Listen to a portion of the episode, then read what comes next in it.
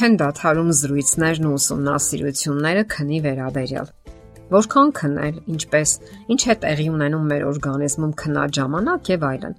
Ահա սրանք են, որ հետաքրքրում են յուրաքանչյուր մարդու, քանի որ քունը հսկայական նշանակություն ունի առողջության համար, հանգստանալու եւ վերականգնվելու համար։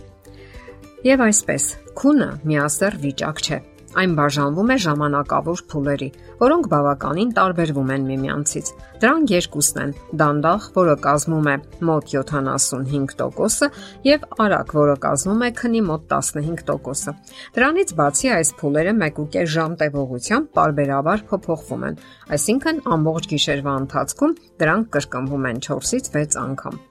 Ինչով են տարբերվում արագ եւ դանդաղ փուլերը։ Դրանք ունեն տարբեր գործառույթներ։ Դանդաղ փուլի ժամանակ դիտվում է ուղեղի ակտիվության նվազում։ Համարվում է, որ քնի հենց այդ մասն է պատասխանատու օրգանիզմի վերականգնման համար։ Փորձեր են կատարվել պրոֆեսիոնալ մարզիկների հետ եւ ողրզվել է, որ որքան երանդուն է եղել նրանց մարզումը, այնքան երկար է տևել այս դանդաղ փուլը։ Ահա թե ինչու պատահական չէ ժողովրդական իմաստությունն այն մասին, որ երեխաներն աճում են քնի ժամանակ, որովհետև քնի հենց այդ փուլում է երեխայի օրգանիզմ նետվում աճի հորմոնի համարյա ողջ օրական չափաբաժինը։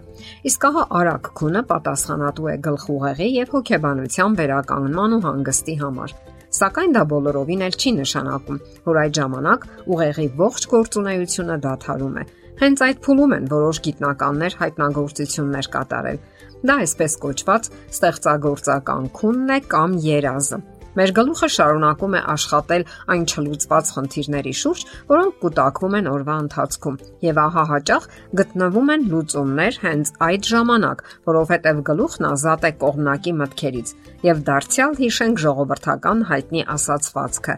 առավոտն իրիկունից ավելի իմաստուն է։ Ինչ կարելի ասել երազների մասին։ Երազներ մենք տեսնում ենք քնի արագ փուլում Արտակինից դա անգամ նկատելի է, երբ փակ կոպերի տակ բիբերը շարժվում են։ Կենթանիներն այդ ժամանակ շարժում են թարթիչները, իսկ ահա երեխաները կարող են լացել կամ տնքոցներ արձակել։ Հետաքրքիր է, որ եթե այդ պահին մարդուն արտնասնեն, նա ամենայն հավանականությամբ կհիշի, թե ինչ երազ է տեսել։ Երազատեսության ժամանակ մեր գիտակցությունը սովորաբար վերամշակում է այն հիմնախնդիրները, որոնք զբաղեցնում են միտքը արթուն ժամանակ։ Որքան պետք է քնել։ Այսօր արդեն ապացուցվել է, որ առողջության համար վտանգավոր է 6 ժամից պակաս քնելը։ Դա կարող է առաջացնել հիպերտոնիա կամ շաքարային դիաբետ։ Անբավարար քունը առաջացնում է նաև հոգեկան վիճակի խաթարումներ, տրամադրության անկում, եւ մարդը չի կարողանում բնականon գործել ողջ օրվա ընթացքում։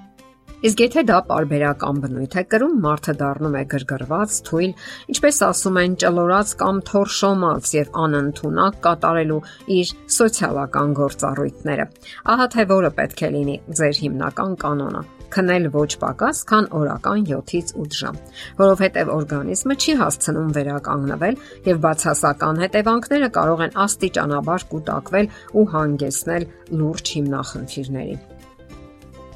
Ինչ կարելի է ասել ցերեկային քնի մասին։ Հաճախ այսպիսի հարց է առաջանում. Եթե մենք չենք հասցնում լիակատար քնել երեկոյան կամ գիշերը,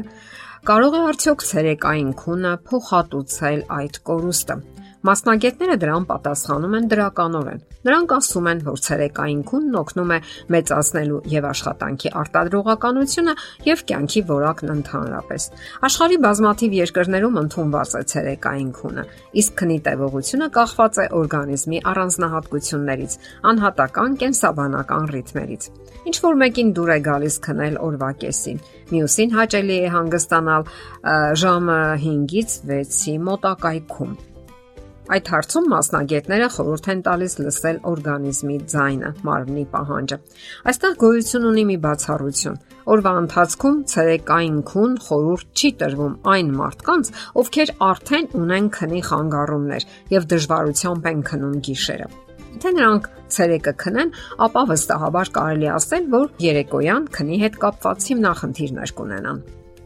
Եթե դուք սովորություն ունեք մահճակալին պարկած կարդալ կամ խոսել հեռախոսով, հեռուստացույց դիտել, ապա հարկավոր է վերացնել այդ սովորությունները։ Կարևոր է նաև մահճակալի ընտրությունը։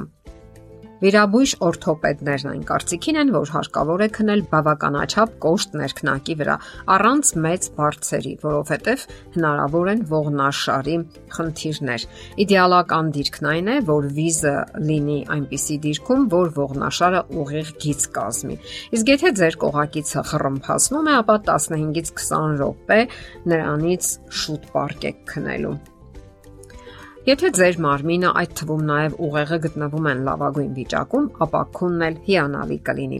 Իսկ մեր առողջության լավագույն գործոնը մեր մտքի վիճակն է, մտածողությունը, մեր ներքին տրամադրվածությունը։ Եվ երբ վերջապես պարկում եք քնելու, մոռացեք բոլոր վիրավորանքների մասին եւ ձեզ մի մեղադրեք այն բաների համար, որ չեք հասցրել անել։ Դե ի՞նչ, երբեք չմոռանաք քնել ժամանակին եւ բավականաչափ այն շատ կարևոր է ձեր առողջության համար։ Եթերում է առողջ ապրելակերպ հաղորդաշարը։ Հարցերի եւ առաջարկությունների համար զանգահարել 033 87 87 87 հեռախոսահամարով։